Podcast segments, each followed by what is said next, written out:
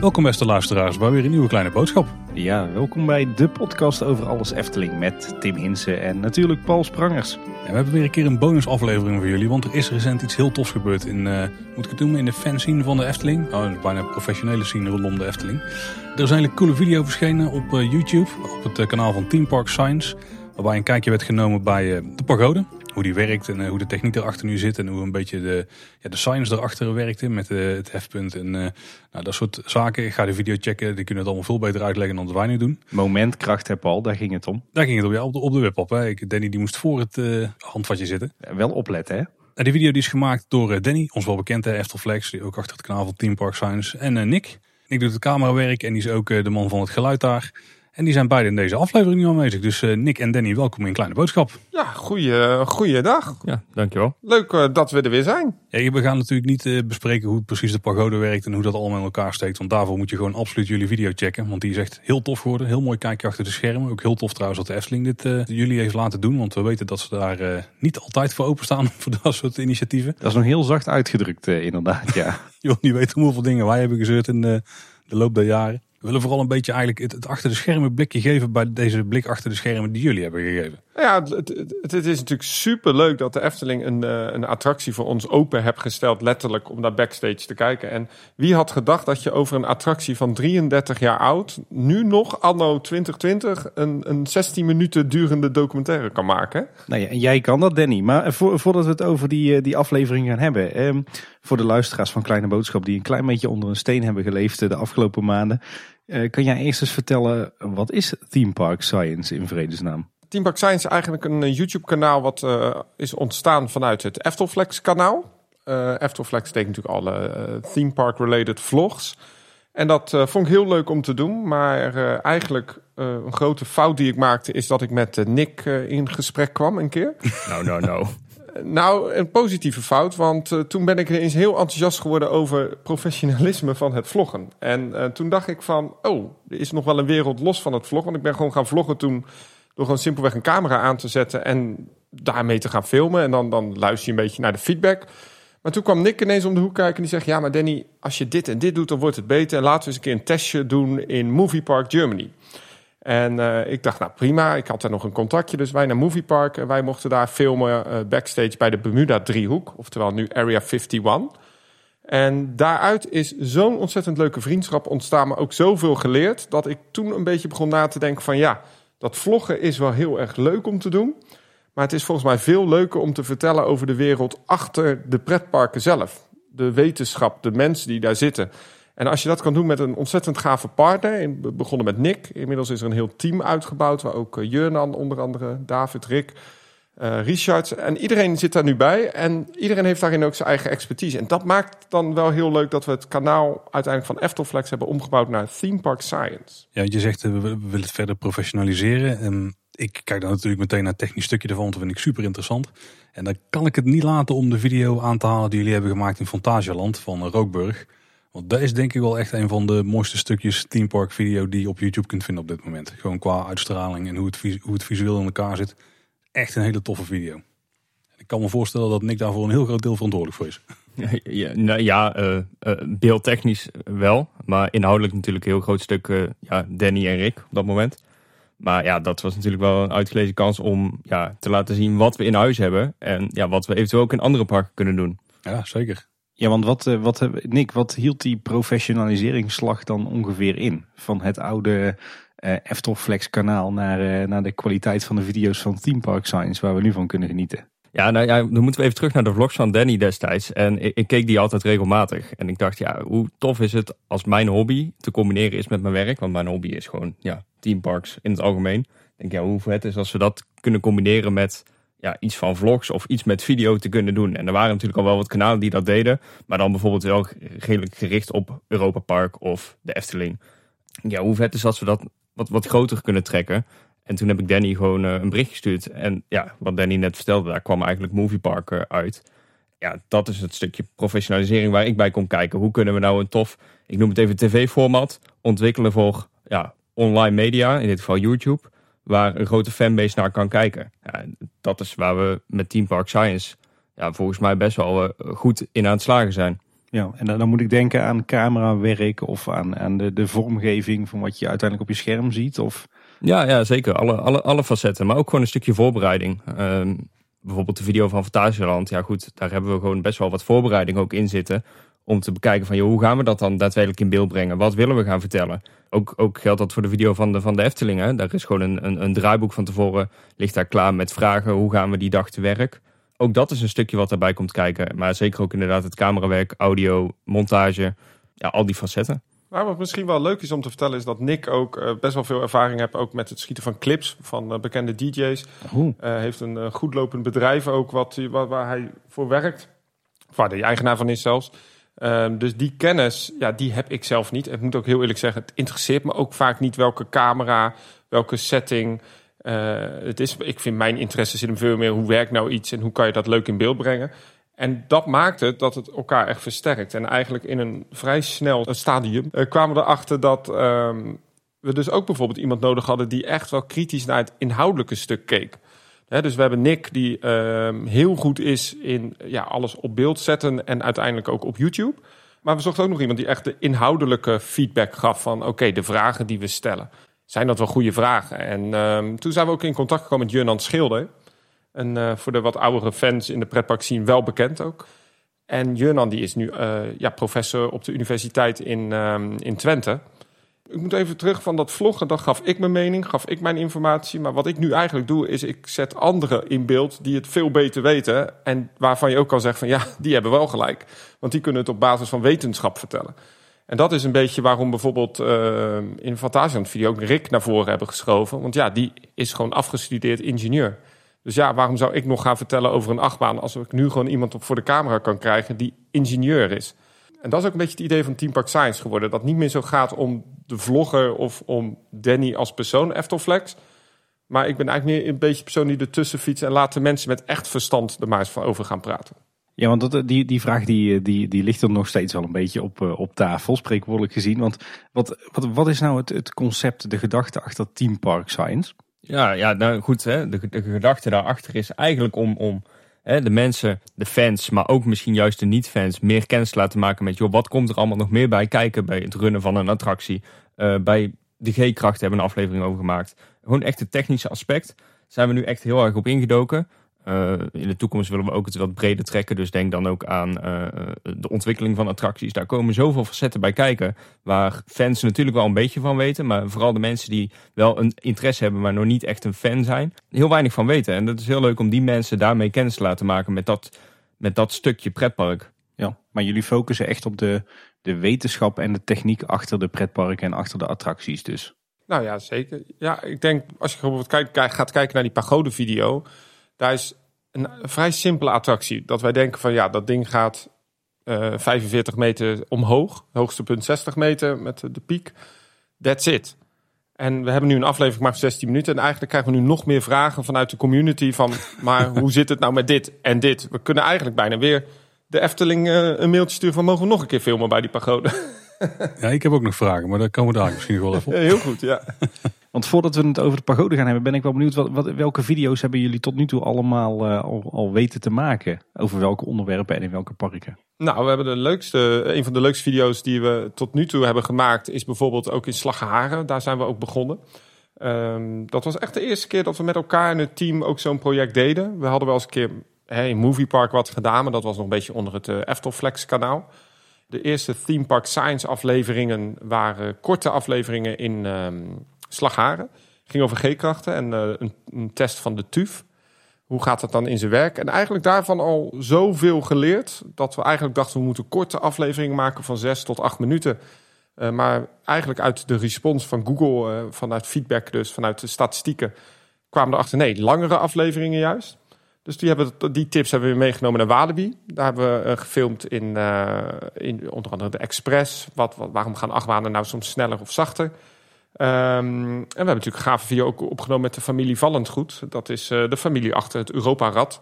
En binnenkort ook achter de Power Surge, een kermisfamilie. Mm -hmm. um, en daar hebben we het, het, het, gehad over het werking van een reuzenrad.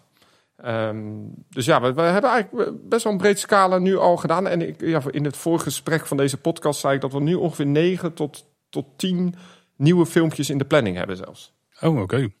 Dus nog genoeg om uit te kijken. Ja, dat zijn indrukwekkende aantal inderdaad. En wij weten inmiddels zelf uit ervaring hoeveel werk er gaat zitten in eh, de voorbereiding en de productie van zo'n aflevering. Dus ik kan me voorstellen dat je daar heel druk mee bezig bent.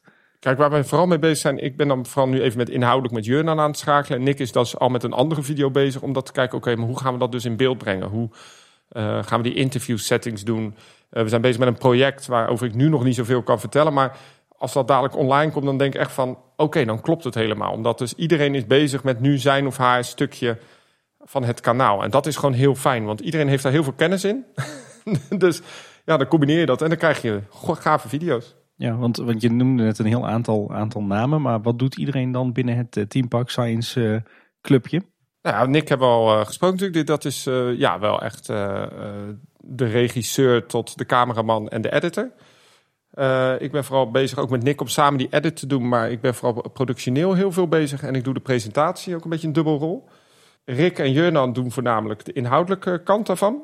Rick ook wel van de Eftelflex video's bekend natuurlijk. En uh, allebei ook afgestudeerd ingenieur, dus dat scheelt ook wel. Waarvan je dan natuurlijk zelf professor. Uh, David werkt mee in de productie en we hebben Richard die uh, de, de fotografie doet. Omdat juist ook met foto's, ook zeker op social media tegenwoordig zoveel te bereiken is. En Richard die, die heeft ook het, of die werkt mee voor mij met het kanaal Theme Park Inc. op Instagram. Een groot ja, Instagram account indrukwekkend team. Daar zijn wij heel erg jaloers op. Dat kan ik je wel vertellen. nou, ik moest toch net ook door de make-up uh, hier zo voor de podcast. Dus ik weet niet. nou, dat heeft niks te maken met de podcast, maar dat we jou nou zien via een scherm. Oh ja.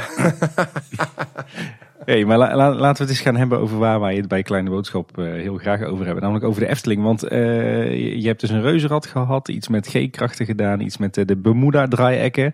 en hoe kwam je dan in vredesnaam bij de Efteling en uiteindelijk ook de pagode terecht? Toen ik Eftelflex ging ombouwen, had ik alle parken gewoon een berichtje gestuurd van kijk, hier zijn we mee bezig. En uh, Slagharen is het eerste gave park wat ons uh, vertrouwt om dit te maken. En uh, toen die video online kwam, heb ik echt die parken tot, tot nou, huilens toe benaderd. Van kijk eens hoe gaaf dit is en werk alsjeblieft mee. want dit is zo ontzettend gaaf. En wij willen zoveel leuke dingen doen. Dus ook de Efteling heb ik toen benaderd. En uh, we hebben natuurlijk uh, als fancommunity een uh, vast aanspreekpunt binnen de Efteling daarvoor. Een heel fijn aanspreekpunt. En het leuke daarvan is dat um, hij eigenlijk heel enthousiast was en gelijk is gaan lobbyen intern. En hij vroeg van ja, kun je niet wat ideetjes op papier zetten? Nou, dan komen natuurlijk iets van tien ideeën die eigenlijk alle tien niet uitvoerbaar zijn. Denk aan het abzeilen van de Joris en de Draak en het beklimmen van de Baron terwijl die open is. We hadden zelfs nog met drones vliegen, kanoën door de, door de, door de piranha. Nou goed, veiligheidsissues natuurlijk. Maar goed, ik, wat ik meestal doe, ik, ik schiet het vrij breed in. Zodat parken zeggen van nou, dat kanoën gaat niet lukken. Maar je kan wel een keertje staan in het water. Nou ja, dat scheelt dan ook weer. Maar eigenlijk de Efteling zei zelf van ja, we vinden het wel leuk om wat backstage te laten zien. Maar misschien hebben wij een andere attractie die nog veel interessanter is. En die kwamen eigenlijk toen met de pagode. Uh, van, vind je het niet leuk om daar eens een video over te maken? En, en, toen heb ik Nick gebeld. En ja, misschien moet Nick zeggen wat mijn eerste reactie was. Ja, doen toch? Ja, maar wel met een beetje twijfel aan het begin. Hè? Dat moeten we dan ook wel eerlijk zeggen. Want we dachten, ja, ja, ja, ja, we dachten, wat, wat moeten we daar zien? Weet je wel, alles wat iedereen daar ziet, dat zie je toch gewoon. Weet je wel, dat, dat was onze reactie een beetje. En dat kan ik me wel voorstellen, want ik, ik zat er zelf ook aan te denken. Want je vertelde dat er een video kwam met de pagode. Je stuurde al een previewfotootje volgens mij op de dag dat je aan het opnemen waren. Eh, maar normaal gesproken dan sta je daar bovenop die, uh, nou, in de tempel zelf. En dan, dan kijk je naar beneden en dan zie je daar zo'n stok. En die ziet er dan waar die, waar die tempel op zit. En dan denk je, ja, nou, dat is wel groot. Maar je krijgt niet echt een idee volgens mij van de schaal waar je dan mee te maken hebt. En ook de krachten die er dan bij komen kijken, heb ik inmiddels geleerd. Die zijn ook best wel indrukwekkend. Is er iets wat jullie heeft moeten overhalen? Of dacht je van, nou, we hebben nu de kans om met de Efteling te gaan werken. En hier zit inderdaad wetenschappelijk technisch wel iets moois in. Dus we laten het gewoon doen. Of groeide er nog? Nou ja, ik, ik, ik denk wel dat je gelijk hebt in je antwoord. Hè. Dat, dat, dat, zo is, dit is wel onze kans om met de Efteling samen te gaan werken. Om daar een video op te nemen. En we zien wel wat eruit komt, weet je. Misschien zit er wel heel veel achter. En dat, dat bleek dus ook. Hè. Het, ziet er zo simpel uit, maar er komt zoveel bij kijken. Dus uh, dat, dat is eigenlijk de verrassing uit de, uit de hoge hoed. Nou ja, en, en bij de voorbereiding hebben we ook contact gehad met Jurnan. En uh, die, die, die, ik zei van ja, we gaan naar de pagode. Wat kunnen we daar nou over doen? En bij Jurnan, die is dan even zo'n eh 10 seconden echt stil. En als hij dan begint te ratelen, dan weet je, oké, het is een goed idee. En, als het dan nog steeds stil blijft na 10 seconden, dan moet je even je verbinding checken. Maar dan, ehm, dan weet je. En, en hij begon echt hele college door de telefoon te geven. Dat ik dacht van ja, ik ben het kwijt, maar volgens mij kunnen we hier wel wat mee. Hij trok, hij trok meteen zijn binas uit de boekenkast, zeg maar.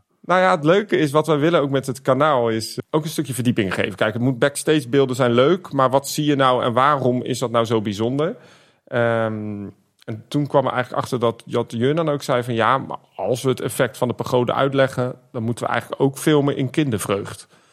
En ik dacht, ja, maar wat gaan we nou in de speeltuin nou weer opnemen? Ehm, en hoe kunnen we dat, hoe kunnen we nou weer een wipwap leuk in beeld brengen? Maar eh, daarvoor heb je dan Nick gelukkig die denkt van, nou, als we deze shots doen en zo, dan, dan komt dat wel goed. Hey, maar Danny, eh, dat, dat idee lag er, hè, van we gaan filmen bij de pagode. De Efteling werkte mee. Eh, en en wat, wat gebeurt er dan tot, tot de draaidag, zeg maar? Nou, best wel veel. Ehm, eigenlijk hebben wij eerst een inhoudelijke meeting gehad met, met zowel de Efteling als ons team. Van ja, wat gaan we dan doen?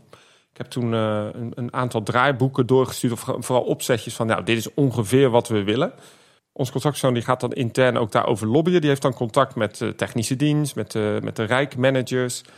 En die is dan eigenlijk ook achter onze rug een beetje op zoek gegaan van ja, wie zou nou die rol vanuit de Efteling kunnen vervullen om daar wat over te vertellen. Want het is natuurlijk heel makkelijk om daar een woordvoerder neer te zetten. Wat altijd wel leuke televisie is, maar het zijn niet de mensen die er daadwerkelijk mee werken. En eh, het was eigenlijk onze wens om iemand te hebben die gewoon dagelijks die olie bijvult, bij wijze van spreken, op dat ding. Efteling heeft toen eigenlijk inhoudelijk heel erg gekeken. Oké, nou deze persoon die zou dat wel kunnen. Ehm, ook een Danny toevallig. Ja, was lekker verwarrend inderdaad eh, de eerste keer eh, dat we de video te zien kregen. Hey Danny, ja, hoe is het Danny? En het leuke is dat we toen eigenlijk vrij snel een draaiboek rond hadden. En ehm, dat wordt dan ook bij die, bij die Danny is dat neergelegd. Ehm, de Efteling is toen ook zelf nog even wezen kijken op locatie van oké, wat ze willen. Hoe ziet dat er eigenlijk nou uit? Want ja, er lopen niet dagelijks eh, filmploegen natuurlijk in de technische ruimtes van de attracties. Er werd meteen eh, de stofzuiger en de bezem bijgepakt. Ja, nou, dat is een goede vraag. Zullen ze dat hebben gedaan? Ja, ja. Het zag er verdacht gewoon uit. Dat heb ik jou volgens mij ook meermaals horen zeggen. Het is bijna het nieuwe. Of raak hem aan. ja. ja, ja, van de moviepark was dat. Ja. Nou, nee, het, ik, ik had eh, wel het idee dat. ehm, want we waren ook op een, een wat andere locatie, dat het overal wel altijd opgeruimd is in de Efteling. Maar goed, dat kan ik beter aan Tim vragen volgens mij, want die, die, die heeft daar misschien iets meer ervaring in. Maar Ja, de Efteling is, eh, is inderdaad heel erg strikt in, eh, in het, eh, het schoonhouden en het, eh, het opgeruimd houden van technische ruimtes. Het moet allemaal gewoon heel erg veilig en netjes en overzichtelijk zijn. Dat is ook wel de ervaring die ik heb uit de jaren dat, eh, dat ik er werkte en dat ik eh, attracties eh, opstartte. Dus dat kwam wel aardig overeen. Was misschien wel goed om te zeggen. Het was ook niet zomaar een losse vlodder hè, de- bij, jullie. Het was niet dat je zomaar een, rondleiding eh, achter de schermen kreeg. Maar jullie keken eigenlijk mee met eh, de opstartprocedure van de pagode. Hè? ja, wat dus maar liefst vier uur in de gang, eh, aan de gang is. Dat is bijzonder. Ik, ik ben dus nog nooit in de Efteling. eh, ik heb nog nooit de Efteling betreden via de dienstingang, dus bij het hotel. En nog nooit zo vroeg. Dus dat waren ook weer twee eh, unieke dingen op de dag zelf. Want we moesten er om zes uur 's ochtends zijn. Ehm, om zeven uur startten de opnames. Ehm, en weet je wat mij opviel aan die ochtend in de Efteling? Het was hartstikke druk in dat park. Ja, maar echt. Ja, we hebben de opname nog even stil moeten leggen omdat er een, eh, een vuilniswagen of zo voorbij kwam. En eh bladblazers. En ja, ze waren echt druk in de weer. Dat kennen we ook wel. In onze opname was toen volgens mij om 9 uur s ochtends of zo. Ja, dat was toen wij met Mario Dieltjes het park ingingen. Ja, toen Ja, ook kan je nagaan. Dus, dus vanaf om 7 uur rijden al rond en om 9 uur rijden ze nog steeds rond. Ja, ik, we waren bijna onze voeten gereden voor, door de bad. Hè, de, de, de, de, de, de, de, de ophaaldienst van de Tilburg. Het, het, het- enorme bedrijvigheid. En het leuke is, we gingen toen eh, eigenlijk backstage al vrij snel naar de pagode waar eh, Danny was. Dat is in, een, eh, ja, in het motorhuis van de pagode is ook een kantine voor al het eh, ja, technisch personeel wat daar verzamelt. En vanuit die eh, locatie verspreiden ze ook naar eh, de rest van het park. Ehm, dus wij konden daar 's ochtends even lekker een bakje koffie nemen op, en eh, ja, even praten met al die technische mensen. Wat, wat mij trouwens opviel in de Efteling is dat dus die attracties worden opgestart door technici, maar die tegelijkertijd dus ook ja, technisch medewerker zijn. Dus het is, niet, ja, het is niet echt de technische dienst van het park of zo, hè? Nee, klopt. Die, die kan ik wel even toelichten, want eh, Danny was volgens mij technisch coördinator. Hè? Ja, Maar ja, ja. ehm, eh, dat, dat is zeg maar een soort eh, plusfunctie als je gewoon in het, in het park werkt, als exploitatiemedewerker zeg maar. Je bent gewoon gastheer of gastvrouw. En er zijn een aantal medewerkers per, per afdeling of per rijk, die, die hebben heel veel expertise op het gebied van de techniek. Eh, dus eh, die, dat zijn die technisch coördinatoren, die werken overdag gewoon eh, in de exploitatie. Dus die bedienen de attracties en die helpen de mensen. Maar daar rondomheen verzorgen ze het opstarten van attracties, het eerste lijns onderhoud. doen ze vaak ook op het moment dat een attractie sluit voor onderhoud, helpen ze een handje mee. Dus die werken niet bij, bij een van de technische afdelingen. Die werken gewoon in het park. Alleen dat, dat zijn zeg maar de, de techneuten onder het parkpersoneel. En dat zijn ook de mensen die, die de attracties opstarten. Eh, alhoewel in mijn tijd was het vaak zo dat, eh, dat best een groot gedeelte van eh, de mensen die in vaste dienst waren in het park, dat die allemaal wel opstartcursussen kregen. Want ja, iedere attractie moet iedere dag worden opgestart. Eh, met een procedure die, eh, die vergelijkbaar is met die, eh, die van de pagode, zoals we die in jouw video zien. Dus echt iedere attractie in de Efteling wordt iedere ochtend zo nauwkeurig gecheckt en nagelopen en, en onderhouden als het ook met de pagode het geval was. Dus er zijn aardig wat mensen in de Efteling die rondlopen met de bevoegdheid om attracties op te starten. Ja, het viel me dus op, want ehm wij liepen natuurlijk in het Reizenrijk en daar hoorde dus ook ehm, Symbolica bij. En die Danny zei ook van, ehm, ja, wij doen dus ochtends het eh, technisch controle, het onderhoud van, de, van Symbolica bijvoorbeeld. Maar dat er dus ook nog een aparte afdeling is die elke dag even komt kijken naar de decoratie. Naar de kostuums is er een aparte afdeling. Ik dacht, nou, ja, daar sta je, ja ik sta daar dus niet bij stil. Want ik zit in die, in die, in die attracties en ik denk, nou leuk, maar dat, dat er dus als ochtends vroeg zoveel actie is om die kwaliteit hoog te houden. En dat er ook zoveel verantwoordelijkheid ligt bij het personeel zelf.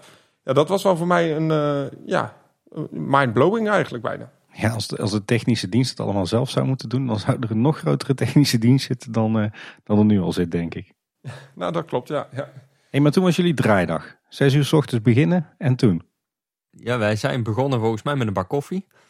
Kregen we een, eh, een golfkarretje toegeëigend. Volgens mij hebben ze die daar standaard meerdere staan voor een eh, ja, opname, eh, productieachtige bezigheden.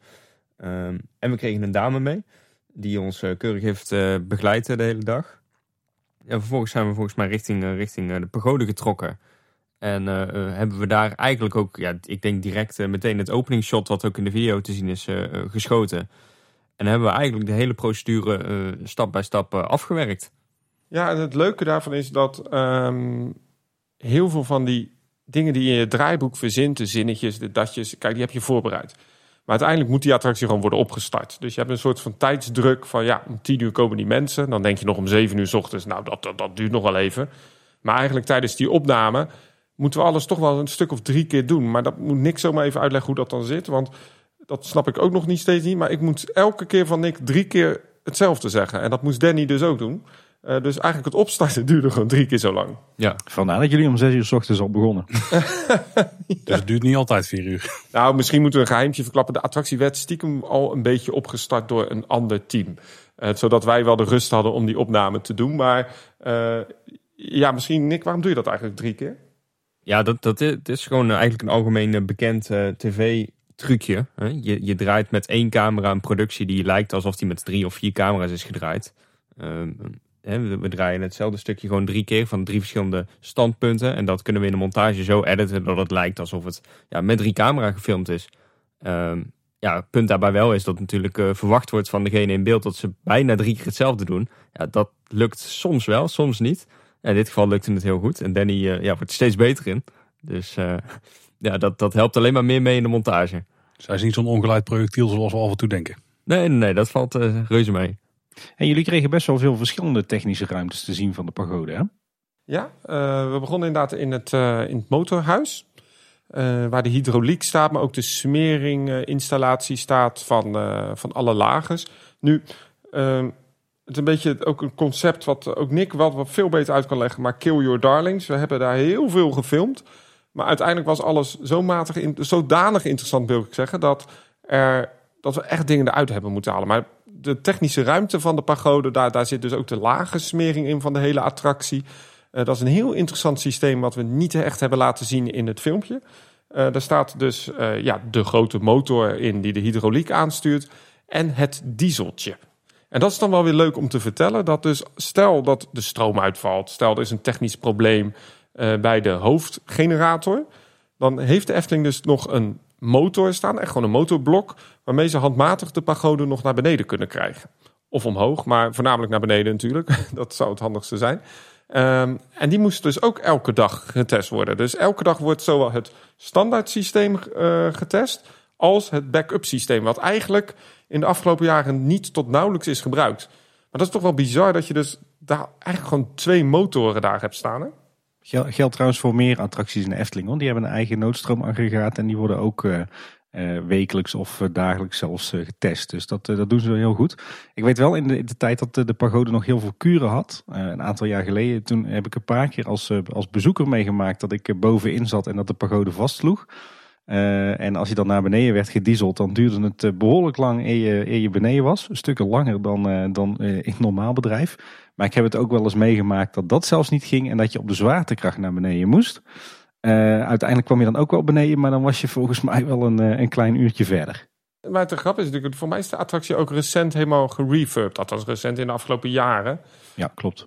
En dat is iets wat de Efteling ook wel doet bij die attracties. En sowieso dat alles wel wordt gemoderniseerd. En hè, we praten over een attractie van 33 jaar oud.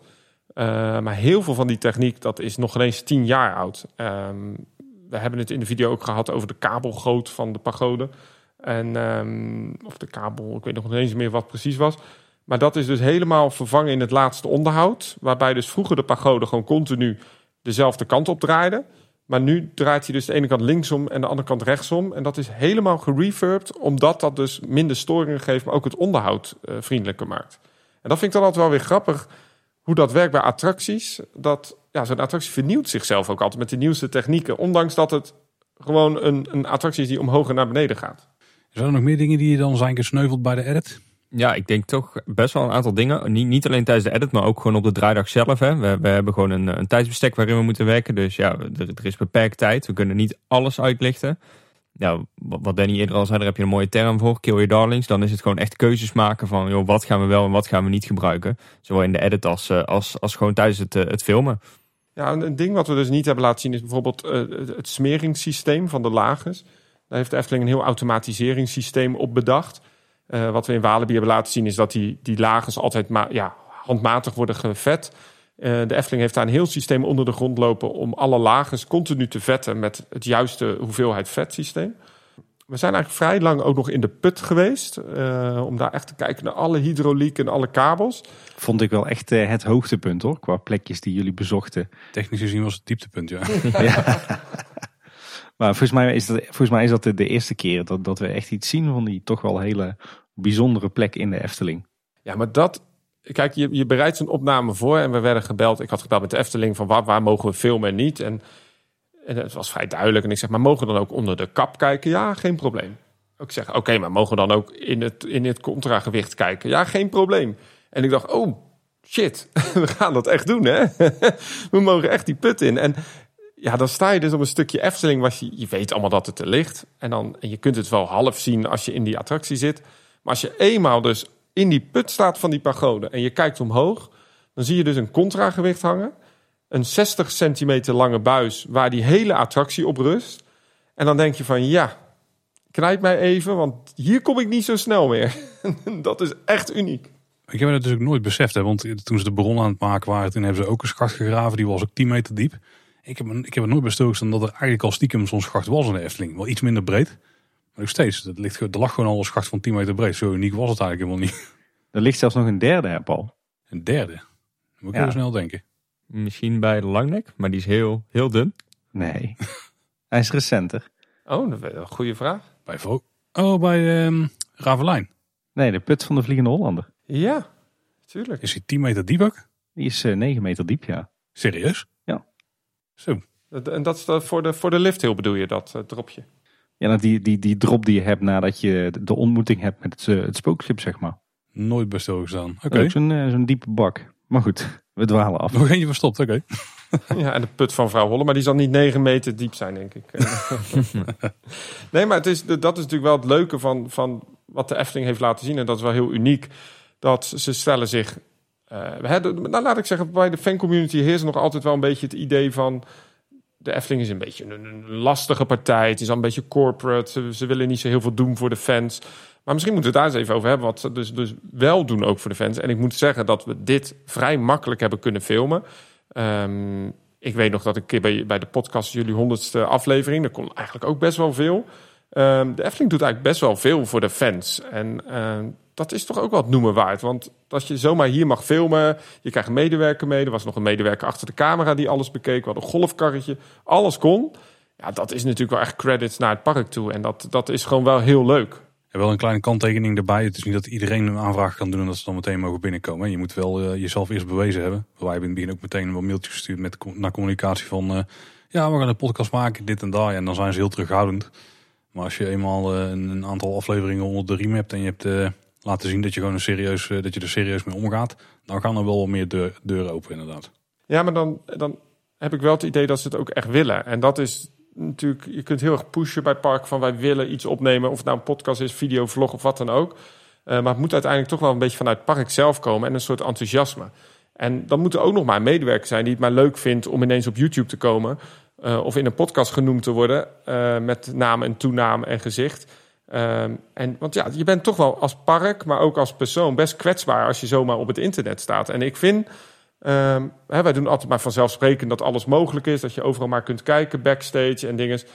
En ja, ik vind dat toch wel tof van de parken dat ze dat zo'n concept willen omarmen natuurlijk. En ja, dat ja, vind ik toch credits en niet zozeer ook, ook naar andere parken, weet je. Dat is wel heel tof dat ze dat doen. En Ja, fe- feit is in ieder geval wel dat, dat de, de houding van de Efteling ten opzichte van de, de fans en de, de fanmedia de afgelopen tien jaar wel enorm veranderd is. Hè. Het is echt van extreem gesloten, eh, zo aan het begin van, eh, van, van dit millennium, naar eh, ja, toch wel extreem open gegaan eh, op, op het, eh, het huidige moment.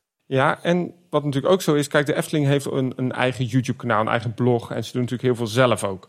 Eh, ze hebben zelfs een eigen podcast. Eh, we kennen allemaal nog de filmpjes van Bente backstage. En het is natuurlijk voor een park ook heel erg makkelijk om te zeggen van... nee, wij doen het allemaal zelf. Wij claimen het, wij doen het. En eh, zoek het maar lekker uit. En kom maar af en toe gewoon filmen als het park open is. En dus het is ook gewoon heel leuk dat dat park in het algemeen zegt van... ja, we hebben onze eigen media outlets. We hebben onze eigen communicatie nou, we stellen ons ook wel gewoon een beetje open voor nieuwe dingen. En, en, en het leuke ook is dat we ook geen. Tuurlijk hebben wij het filmpje laten zien aan de Efteling van, van goh, wat vinden jullie ervan? En zitten er rare dingen in die je echt niet wilt hebben? En de reactie was eigenlijk: de video is helemaal prima. Dus er wordt ook gewoon heel wel inderdaad op dat vertrouwen gespeeld van. Hè, wij mochten eigenlijk alles filmen, toch, Nick? Ik zit even te denken, hebben we iets niet mogen filmen? Mm, ja, één dingetje kan ik wel bedenken. We mochten niet in de, eh, de buis zelf. Ik noem het even de buis, maar de, de arm zelf mochten we niet, niet in. Daar kan je dus schijnbaar ook in. Eh, daar is een deurtje voor. Maar ja, daar heb je gewoon zuurstoftekort. Dus mocht je daarin willen, dan, dan ja, is veiligheid gewoon een, een issue. Dus dat hebben we niet mogen doen.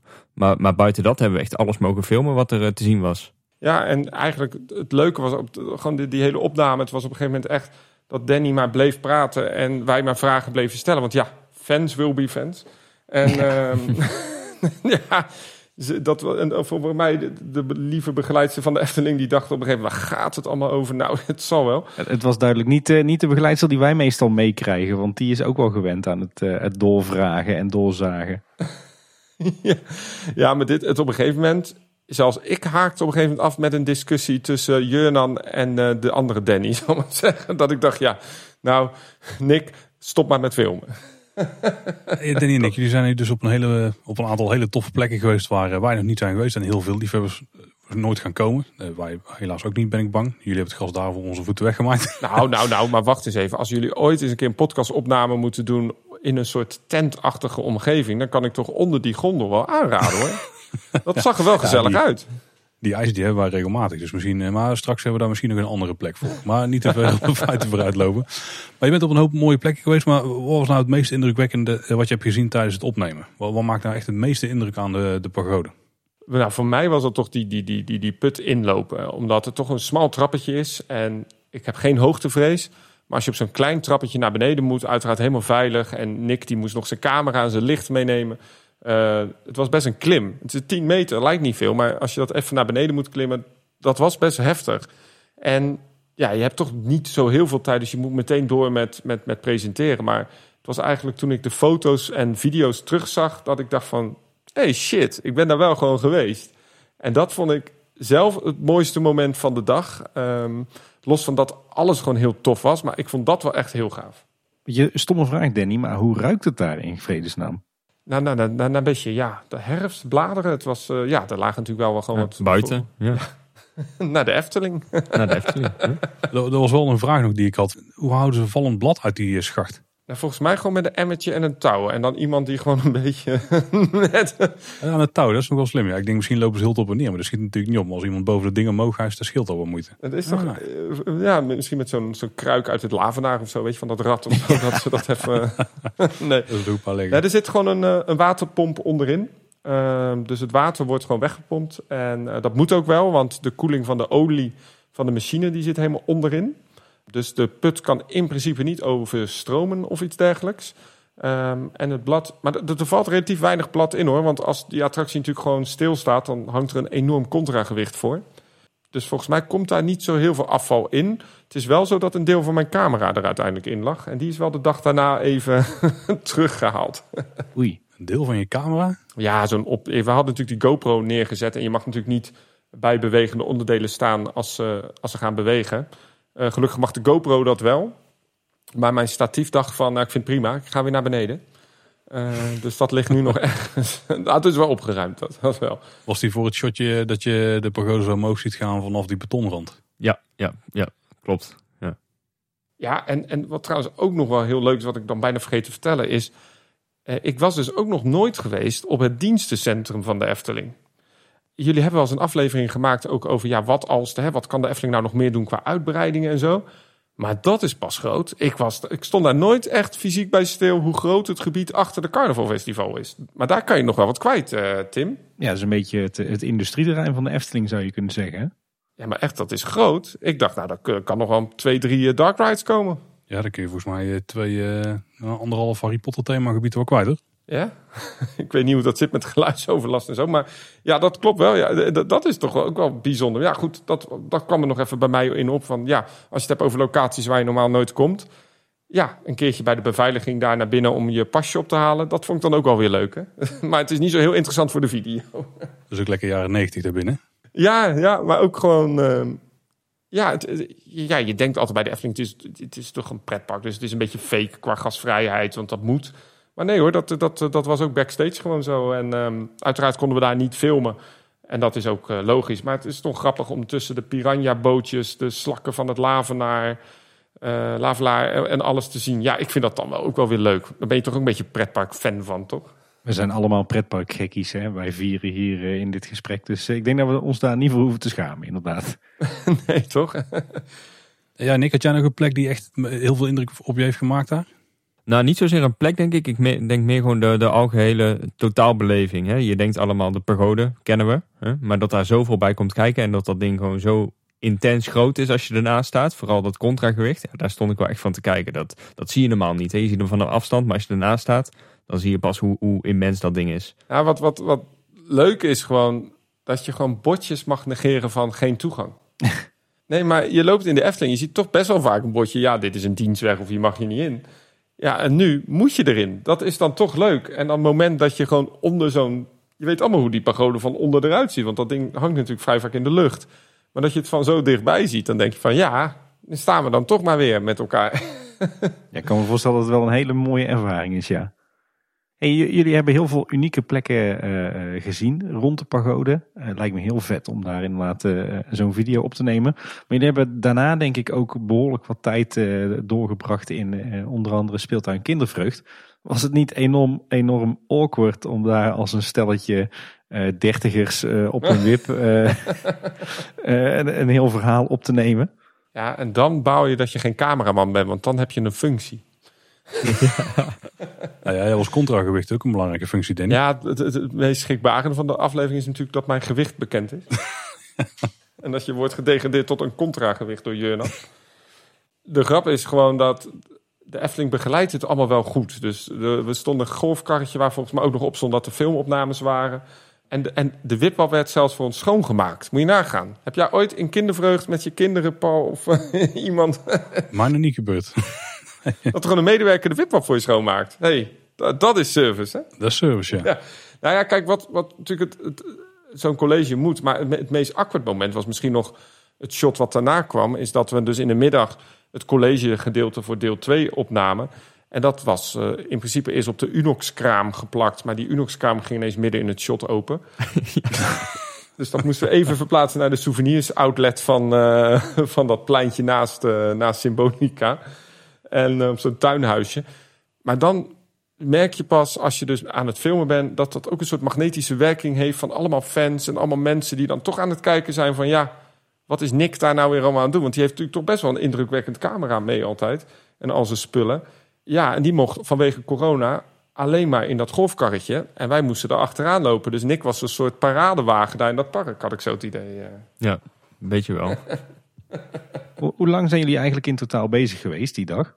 Oeh, eh, van zes tot, eh, ik denk zeker wel een uur of één of zo, denk ik, Danny.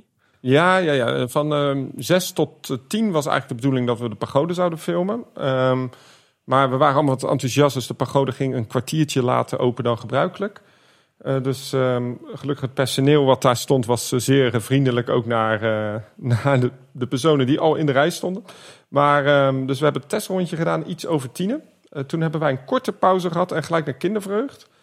En uiteindelijk had het meeste werk zit hem ook altijd in de knipshots eh, of iets dergelijks. Dat noemen we eigenlijk de b-roll shots hè, in de, in de filmtermen te blijven. En dat zijn gewoon de shots die je tussendoor ziet en eh, eh, ja, die het verhaal ondersteunen wat, wat op dat moment verteld wordt. De sfeerplaatjes, zeg maar. Juist, ja, ja de sfeerplaatjes.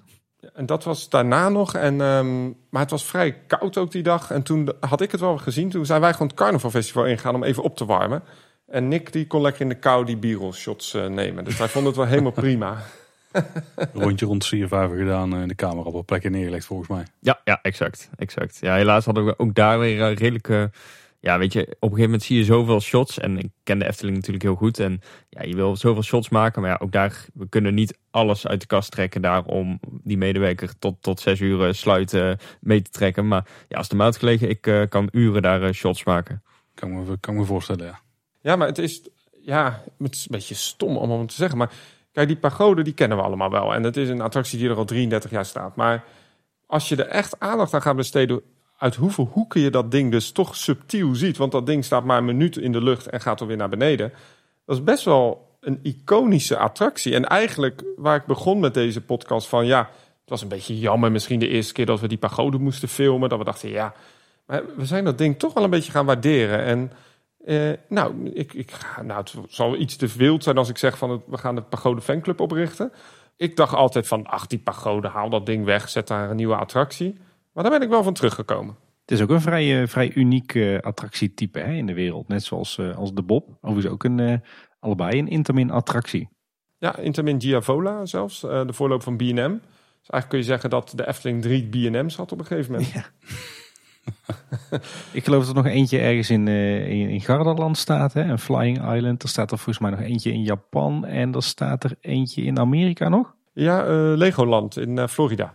Is dat eh, wat vroeger Cypress Gardens was? Ja, ja, exact ja. Ga jij even jaloers maken, Danny? Want als ik hier nu de voordeur open doe en ik ga op straat staan en het zou overdag zijn, dan zie ik ook de pagode gewoon hoor.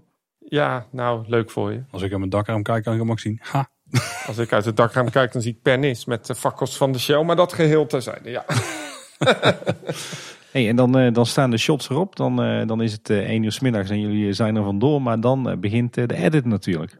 Ja, ja klopt. Ja, dat, doe ik, eh, dat doe ik eigenlijk altijd wel samen met Danny. Eh, om, om samen even te kijken naar de inhoud. We hebben, ja, zoals ik al zei, de, de, de inhoudelijke stukken al drie keer opgenomen. Maar het blijft vaak niet bij die drie stukken. Want soms hebben we die drie stukken ook nog eens in drie verschillende ja, inhoudelijke takken opverdeeld. Dus dan wordt het in de edit kijken van, joh, welk stuk is het beste? Eh, wanneer gaan we schakelen naar welk shot? Nou, vervolgens als ik met Danny dan de hele inhoud op orde heb gemaakt, dan, eh, dan ga ik zelf eh, puzzelen om het eh, tot één grote ja, video te maken met muziek, vormgeving, kleurcorrectie en alles wat daar nog meer bij komt kijken. En hoeveel uur aan ruwe video had jij uiteindelijk? Voordat je begon met editen? Ik denk dat dat wel echt richting de vijf uur of zo zou moeten gaan. Vijf uur? Ja, ja, ja. Oh, Oké. Ik denk misschien twee uur of zo. Nee, nee, nee, nee. We hebben ook nog wat timelapses gedraaid die in de video ja, zitten. En, en ja, en al die b-roll shots, ja goed, daar zijn altijd maar fracties van in beeld natuurlijk. Maar dat, dat zijn wel langere stukken. Zo, en dan uiteindelijk wordt er dan een video van 16 minuten. Ja, ja, inderdaad. Ja. Hoe hoeveel eh afschaafwerk daarbij komt kijken. Ja, de video was echt wel eerst langer hoor. Dus, eh, en dan, dan, dan wordt het gewoon, we sturen hem dan ook op naar wat eh, naar mensen, uiteraard de Efteling. Maar die hadden eigenlijk weinig tot geen eh, eh, feedback van dat moest anders.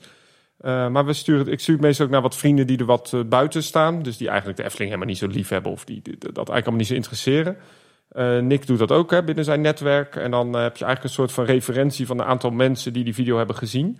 Ik weet dat jullie hem ook al in een vroeg stadium mochten zien. Waarvoor dank. En dan krijg je daar gewoon feedback op terug. En ja, en dat pas je dan nog één of twee keer aan. En dan is het hopen dat het een beetje aanslaat natuurlijk. Want dat, ja, dat, je kunt het allemaal wel bedenken. Maar het moet uiteindelijk het zijn de mensen die het moeten kijken.